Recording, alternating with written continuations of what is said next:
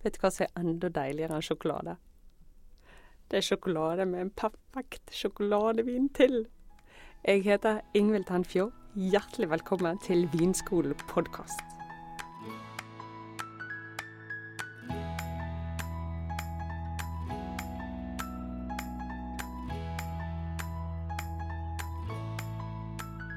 Jeg har en venninne som elsker sjokolade. Lenge trodde jeg at dette var en en sjarmerende svakhet, en liten last i et ellers godt vennskap. Årene har vist meg det at det er ikke så enkelt. Hun er hyggelig med sjokolade. Uten sjokolade så ser hun ut som hun kunne vært kastet til filmen The Shining. Hun blir et monster. Og en gang reiste vi sammen på Madagaskar. Hun sendte meg ut i hovedstaden Antananarivo alene i 40 graders varme for å finne henne en sjokoladeplate. Det sier seg sjøl, de driver ikke med sjokolade i land med begrensede muligheter for nedkjøling. Oppgaven var opp umulig. Det var absurd. Men likevel, dette er det sjokolade får folk til å gjøre. De blir vill. Sjøl trodde jeg at jeg var hevet over dette.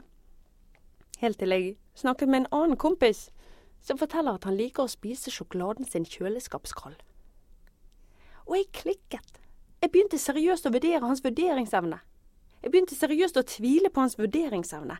Hvem i all verden er det som vil spise kald sjokolade? Sjokoladen må jo være romtemperert. Poenget er det er sterke følelser rundt sjokolade. Frontene er harde, men det er én ting vi alle kan være enige om, og det er det at en perfekt sjokoladevin gjør sjokolade om mulig mye bedre. Dette er det de fleste drikker til sjokolade. En vanlig, tørr rødvin. Det er jo perfekt det på fredagskveld. Sitte der, ha litt eh, sjokkis i ene hånden, en grei rødvin i den andre. Poenget er bare det at det er ikke en spesielt god kombinasjon.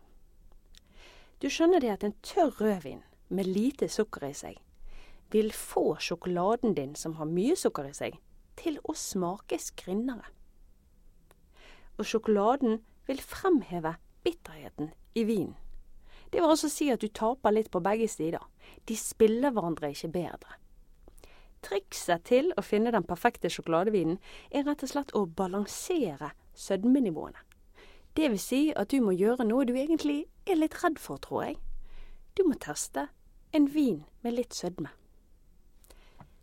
Gammel damevin, dessertvin, det er jo ingen som drikker det nå lenger. Det er så håpløst umoderne at jeg kvier meg for å skrive om det. Men saken er at det er hemmeligheten.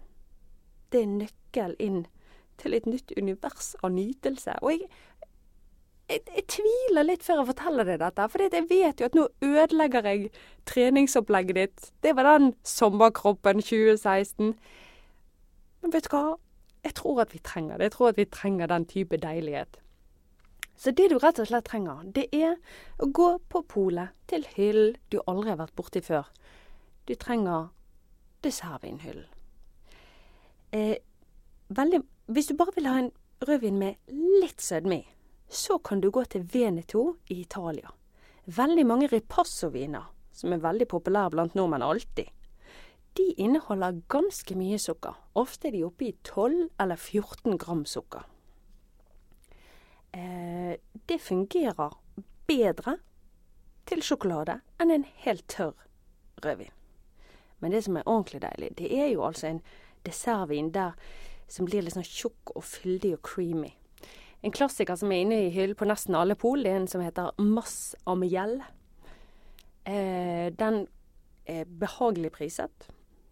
Den er en god vin. Kanskje ikke ekstatisk god, men den er god. Men når du er der med de polansatte, spør videre. Si Tenfjord snakker om den perfekte sjokoladevinen. Led meg til den. Og de vil lede deg til den. Jeg beklager, det blir dyrt. Det blir veldig deilig. Det blir et kalorisjokk uten like. Men fy søren, det er så verdt altså.